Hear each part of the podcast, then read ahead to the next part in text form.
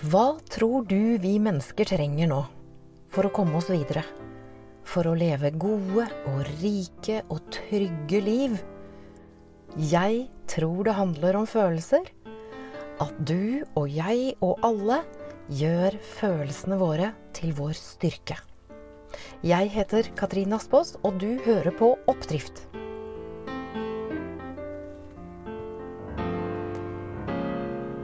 Velkommen, velkommen til en episode som jeg har utsatt og utsatt og utsatt. Jeg har ikke hatt noe lyst til å gå inn i det. Jeg har kjent på motstand hver gang jeg har begynt å pirke litt grann i det. Og nå vil jeg ikke utsette det lenger. Jeg kan ikke utsette det lenger.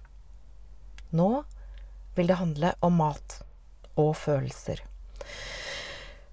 Og jeg sitter her og kan kjenne at jeg Hjertet banker. Jeg får litt sånn ekstra kontakt med magen min, kjenner jeg her. Litt nervøs. Og puster Og kjenner egentlig òg en sånn hva skal jeg si, Så lettelse over å være i gang med noe jeg har utsatt så lenge. Og i denne episoden her så vil vi pakke ut følelsene rundt mat. Normalisere det å ha ulike følelser rundt mat, for det er ikke noe rart vi har det. Og du vil få den nyeste, ferskeste forskningen på mat og følelser. Og så vil du få enkle, gode verktøy sånn at du kan bli venn med alle de skrukkete følelsene som det viser seg at nesten alle har på en eller annen måte knyttet til mat. Og jeg er jo så spent på deg der du er akkurat nå, om du er i bilen eller på sofaen, eller kanskje går du en tur. Jeg er nysgjerrig på hva er din erfaring med mat og følelser. Og jeg inviterer deg til å romstere litt med det eh, mens jeg forteller min eh, historie. Eller min nære historie. Det fins jo mange historier.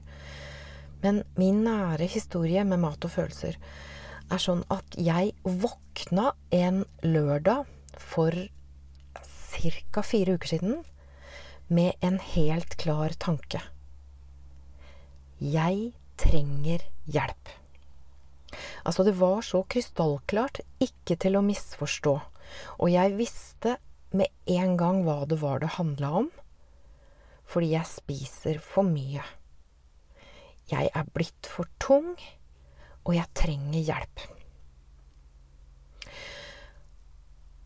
Jeg kan velge, jeg.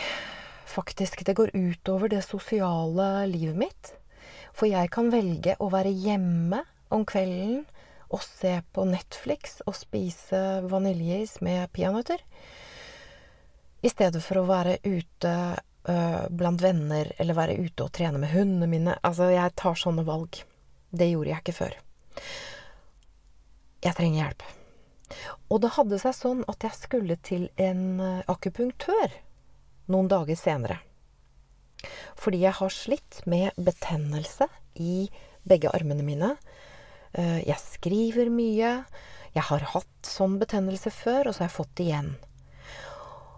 Sånn at fire dager senere så er jeg på vei i bilen opp til Storo, der akupunktøren befinner seg. Og jeg leiter litt og sliter litt, sånn som jeg gjerne gjør oppe på Storo. Men jeg finner inngangen til klinikken, og jeg får parkert bilen og går inn. Og der ligger det et treningssenter i første etasje. Og på den andre siden av treningssenteret, der ligger hovedkontoret til Grete Rode.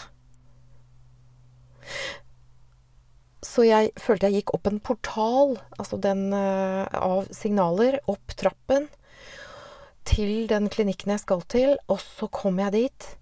Og der er det helt mørkt i venterommet der. Ikke noen mennesker og, og ingen bak skranken. Bortsett fra en stor maskin. Et lite monster på halvannen meter som viste seg å være en avansert vekt. Og her begynte jeg å føle meg som Alice i Eventyrland, altså som faller ned i et kaninhull.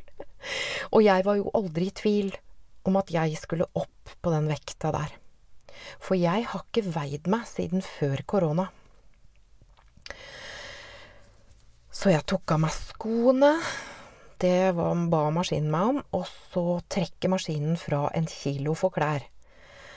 Og jeg gjorde som maskinen sa. Jeg plotta inn høyden min, 1,75. Jeg plotta inn alderen min, det er 56. Og så ba han meg å skrive hvor mange timer i uka jeg er i fysisk aktivitet. Og det er sånn ca. ti, tenkte jeg. Jeg har to hunder som jeg går gode turer med. Og så ber maskinen meg om å stå helt stille. Og så begynner den å knirke. Og, og, og, og rumle litt. Og etter noe som virket som en evighet, jeg tror kanskje det var et drøyt minutt, så kommer det ut en papirremse fra maskinen. Altså det ser ut som en sånn taxikvittering. Og på den er det masse ulike tall. Og du skal slippe å få alle sammen, men jeg kan gi deg noen nøkkeltall. Der står det vekt 93,7 kilo. Da står det fettprosent 49. Og der står det metabolsk. Og jeg leste først diabolsk alder. Altså metabolsk alder 71. 71 år. Diabolsk, metabolsk alder. Og jeg kan fortelle deg det, at når jeg tenker tilbake på hva jeg følte der og da, i den der mørke uh, I det der mørke etasjen, bare meg, så kjente jeg altså på en lettelse. Det var veldig rart. Og jeg blei litt knisete. Uh, ikke sant? Jeg er 71 år. Det går jo ikke an. Altså, jeg har jo identitet som sprek og frisk. Og jeg tror det skyldes at jeg ikke var så veldig overraska. For at en del av meg hadde visst det her ganske lenge. Og så begynte jeg å snuse på jeg, jeg kjente på en sånn interesse også. Jeg kom i kontakt med det der at Hvilken gave det er å få et sånt ubehagelig budskap altså sånn guffent budskap, fra en maskin. For jeg kunne jo ikke bli fornærma og sur på en maskin. Så var det så lettelse for meg. For jeg, jeg, må innrømme at jeg har jo gått og venta på at noen som bryr seg om meg, skulle si Katrine, jeg er så glad i deg, og jeg vil ha deg her så lenge som mulig. Så jeg er, er litt bekymra for at du begynner å bli så stor som du er. Men jeg skjønner veldig godt at de ikke har sagt det. Og da fikk jeg også kontakt med hvor modig det er å si sånt til noen vi er glad i, altså noen som er nær oss, uansett hva det gjelder av helsehemmende atferd. Altså uansett om det gjelder mat, eller eh, altfor mye jobbing, eller alkohol, eller Altså hvor vanskelig det er, selv om intensjonen er så god og hvor hensiktsmessig det er å få sånne kalde fakta fra en maskin. Og jeg er jo veldig nysgjerrig på hvordan dette eh, lander hos deg. Hva du, hva du, kjenner på underveis her. Men jeg forsto i hvert fall der og da at dette er faktisk den hjelpen jeg ba om for fire dager siden. Så jeg gikk inn til akupunktøren og fortalte Jeg ga ham taxilappen min og sa jeg, Den sier at jeg er 71 år, og jeg eh, vil gjøre en livsstilsendring. Og da svarte han det er lurt. og så fortalte han om sine matutfordringer. Å, det var deilig. For altså, han også, vet du. Så da kjente jeg at vi var to. Jeg var ikke aleine. Og så bestemte jeg meg for, der og da, inne hos han, jeg bestemte meg for å kutte Pepsi Max med lime. Åh. Og jeg bestemte meg for å kutte godteri. Altså, vi snakker cold turkey. Kutt kaker og mest mulig av sånn sukker som jeg ikke trenger. Eh, jeg bestemte meg også for å kutte alkohol eh, og kaffe. Og grunnen til at jeg gjorde det, er at jeg vet at for meg så henger de fire sammen. Sånn at jeg gikk inn i en avrusing, øh, og, og, og, det var veldig sånn god, nyttig samtale med denne kloke, flinke akupunktøren som sliter med det samme. Og han sa jo da helt sånn tydelig 'Jeg kan ikke ha sjokolade hjemme'. Og da svarte jeg det at ok, men jeg er omgitt av sju dagligvarebutikker som er oppe til 11-12 eh, om kvelden. Eh, der bor jeg i en radius på 100 meter, så er det sju butikker med en overflod av vaniljeis med peanøtter og sjokoladesaus. og så svarer han 'Dette får vi til'. Og jeg kjenner nå altså Jeg blir sånn knisete igjen. Og jeg kan kjenne meg litt sånn flau her jeg sitter. Eh, jeg kjenner også på frykt for hva du Eh, hva du måtte finne på å kjenne på der du sitter. Eh, jeg kjenner på sånn frykt for å Jeg skal ikke si hva det er, men jeg kjenner på en sånn frykt i magen. Og kanskje ved å love for mye. Og så kjenner jeg litt sånn lettelse òg. Jeg kjenner det letter litt her. For vi er mange. Og jeg veit vi kommer til å finne ut av det sammen.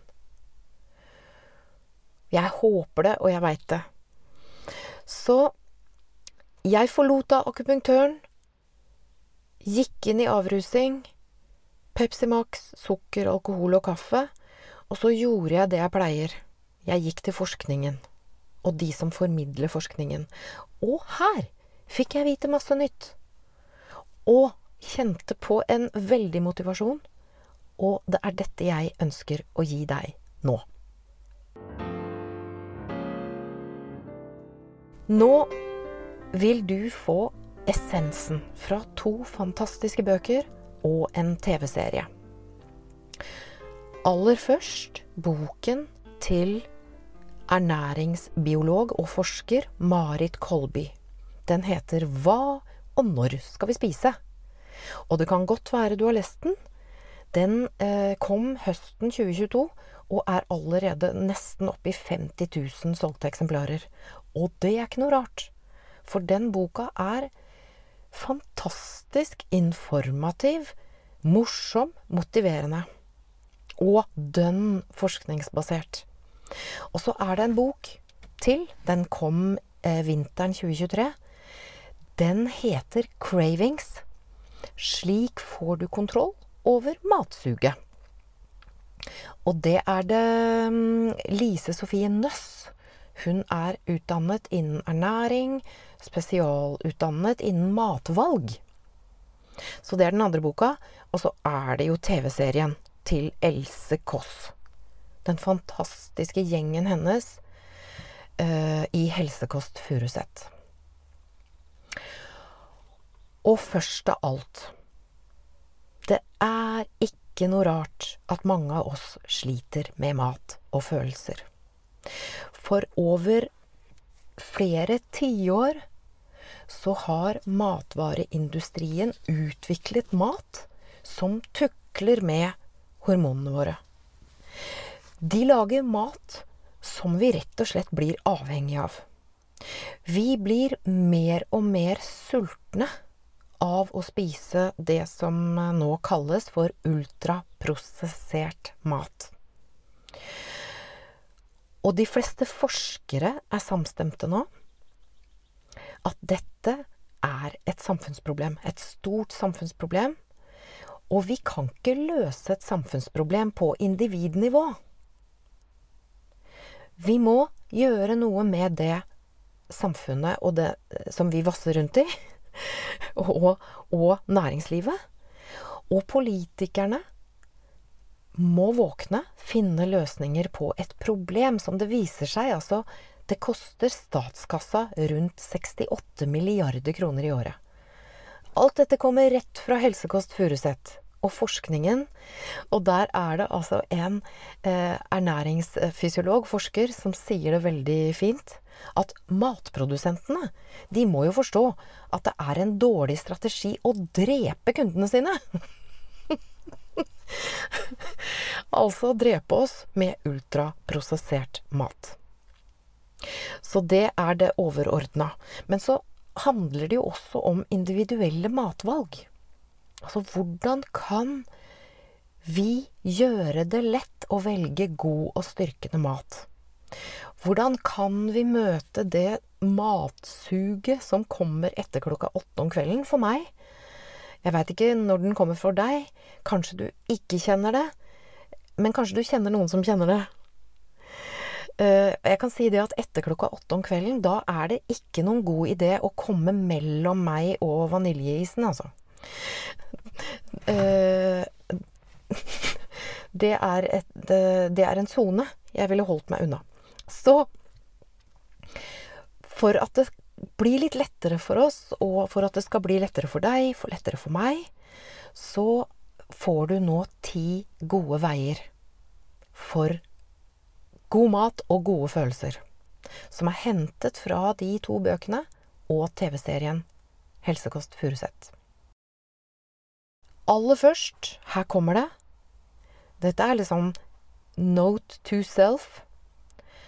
Sulten er vår venn. Når det rumler i magen, da er det kroppens søppelbiler som jobber. De renser og spyler der inne, og Marit Kolby kaller det børstebilen. Så tusen, tusen takk til børstebilen Sulten er vår venn. Og her kommer nummer to. Sulten kommer og går. Jeg trenger ikke nødvendigvis spise når jeg er sulten. Selv om den engstelige hjernen min tror jeg er i livsfare når jeg er sulten. Det er jeg jo ikke.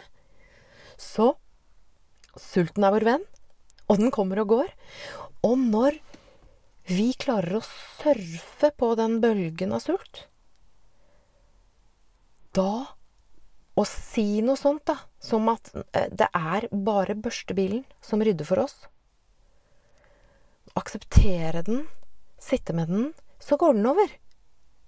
Altså Sulten kommer og går. Og her kommer nummer tre. Utsett nattfasten. Alt dette er fra Marit Kolby. Altså, om natten så regulerer kroppen seg eh, når det gjelder sult. Og det er veldig lurt å utsette frokosten. På engelsk så heter jo frokost 'breakfast', og det betyr ganske enkelt 'break fast'. Og det viser seg helt ny og signifikant forskning viser at det å la børstebilene holde på en stund, det er veldig lurt. Så det å la lunsj Altså, jeg inviterer deg til det som fungerer veldig bra for meg og veldig mange andre. Se om du kan la lunsjen være det første måltidet ditt. Sånn i 11-12-tida. Altså, da får børstebilen gjort jobben sin, og lunsjen smaker himmelsk. Ta en eh, Drikk vann og, og kaffe før klokka 11. Og så kommer nummer fire, som kommer som en befrielse at vi yter best fastende. Det er faktisk en myte at vi blir slappe av sult. Altså, det skal veldig mye til å bli slapp av sult. De fleste av oss blir faktisk skjerpa. Og jeg tenker tilbake på de gangene når jeg skal holde foredrag eller ha en stor konsert. Jeg har alltid sørget for å være litt sulten. Eller i hvert fall ikke mett. Så sulten gjør oss faktisk skjerpa. Og den er viktig å kjenne på midt i vår den overfloden vi lever i. Fordi denne arme hjernen vår, da, som er så redd for å være sulten, som ikke skjønner at nei, vi eh, Det er ikke livsfarlig å ikke spise lenger. Det var for noen millioner år siden, det. øh, den har så godt av å øh, kjenner på den sulten. Og nå kommer det tre kjappe. Og den kommer fra boken som heter 'Cravings'. Kjempeflott bok. Uh, og det handler om at vi har tre typer sult.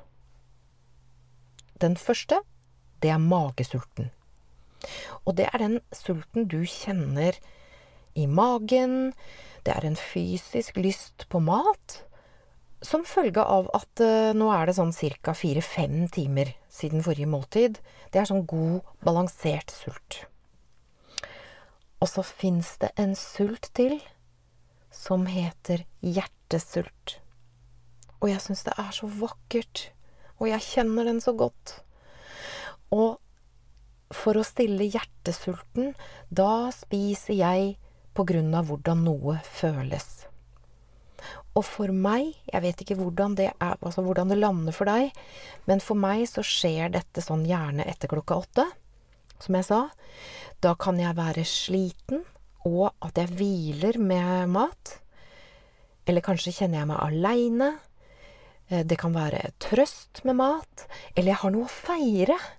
Og da feirer jeg med mat. Eller det kan være altså Kanskje er det en relasjon som skurrer litt, at jeg kjenner meg litt sånn utafor, eller Og så er det den endeløse kosingen.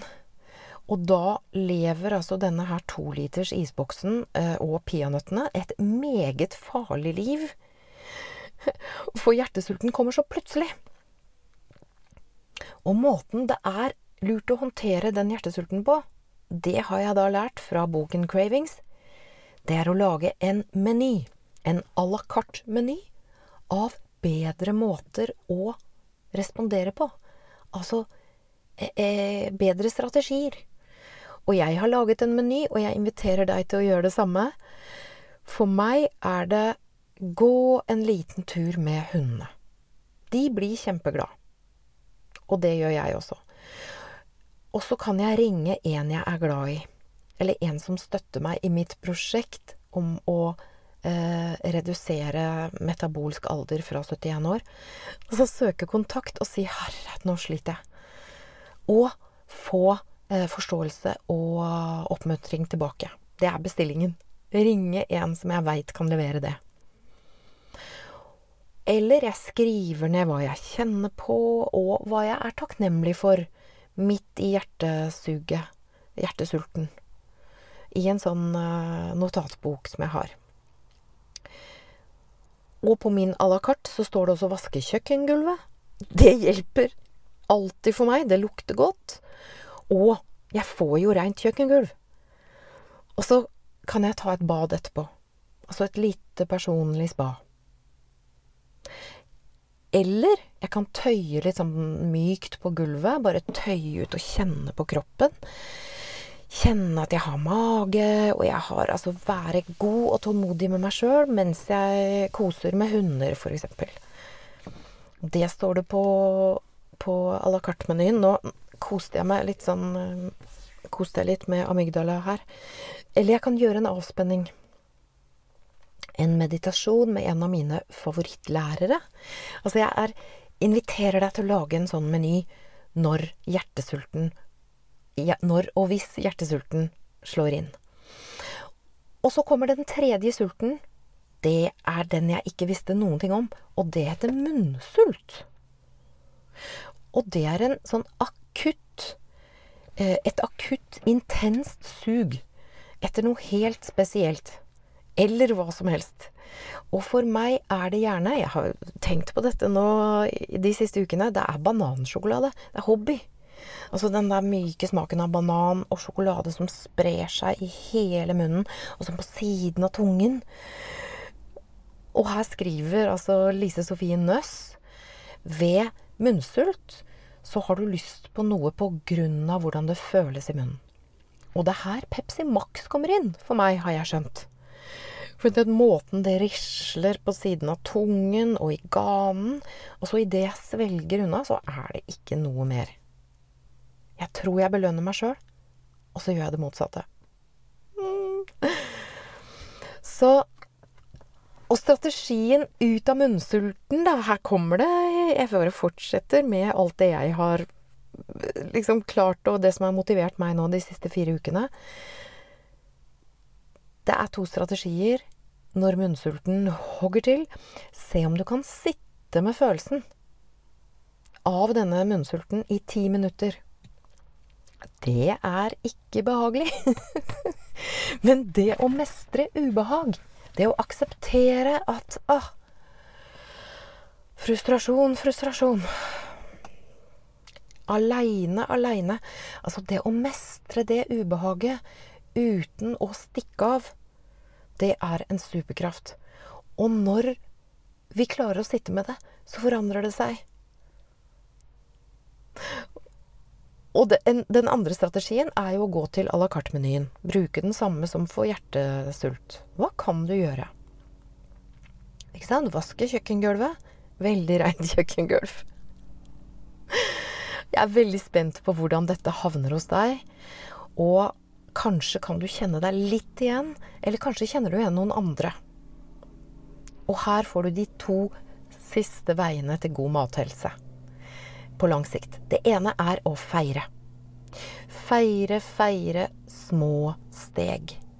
Det er det beste vi kan gjøre i lengden. Altså, det beste du kan gjøre, er å klappe deg på skuldra for hver eneste gang du tar et godt valg.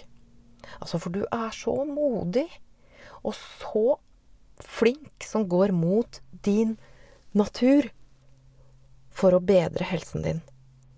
Altså det å lage nye veier og nye vaner, det er så modig. Og det går langsomt. Feire, feire små steg. Og finn små måter å feire på.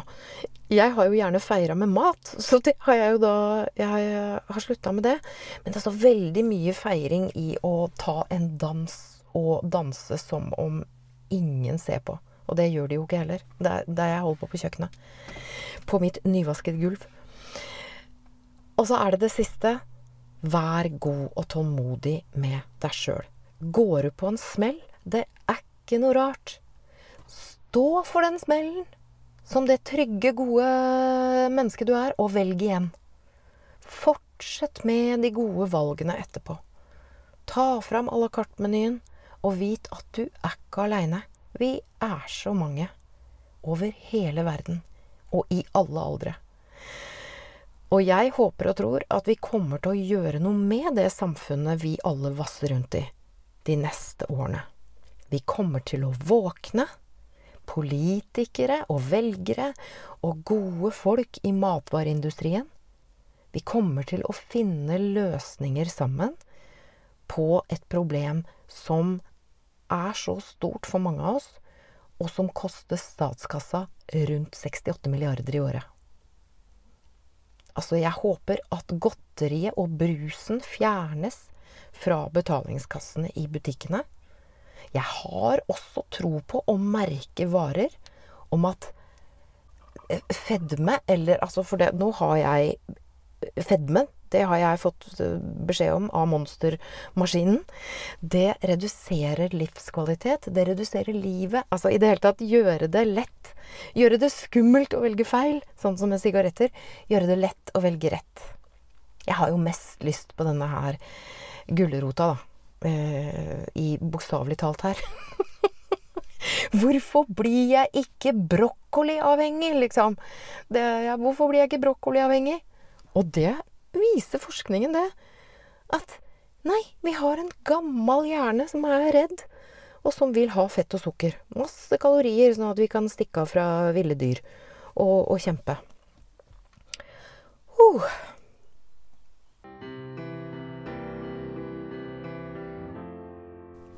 Tusen takk for at du har brukt din dyrebare tid her sammen med meg og øh, oss og pakka ut om mat og følelser. Det er et så viktig og brennende tema at vi kommer til å fortsette å pakke det ut her i det emosjonelle treningsstudio. Og i den forbindelse så inviterer jeg deg til et varmt og styrkende og gratis leirbål om mat og følelser den 1. juni klokka sju på kvelden. Det er tredje år på rad at vi feirer alle følelser i forbindelse med verdensdagen for følelser. Og i år så handler det om mat og følelser. Så rundt dette leirbollet 1.6, der vil du få gode emosjonelle verktøy for å håndtere hjertesult, sånn at du kan surfe på sulten din som en glad delfin. Det du kan gjøre hvis du vil være med på leirbål 1.6, så kan du gå inn på Facebook til gruppen Emosjonell styrketrening. Der finner du påmelding til leirbålet. For vi fjerner skammen sammen. Og husk å være god og tålmodig med deg sjøl så lenge.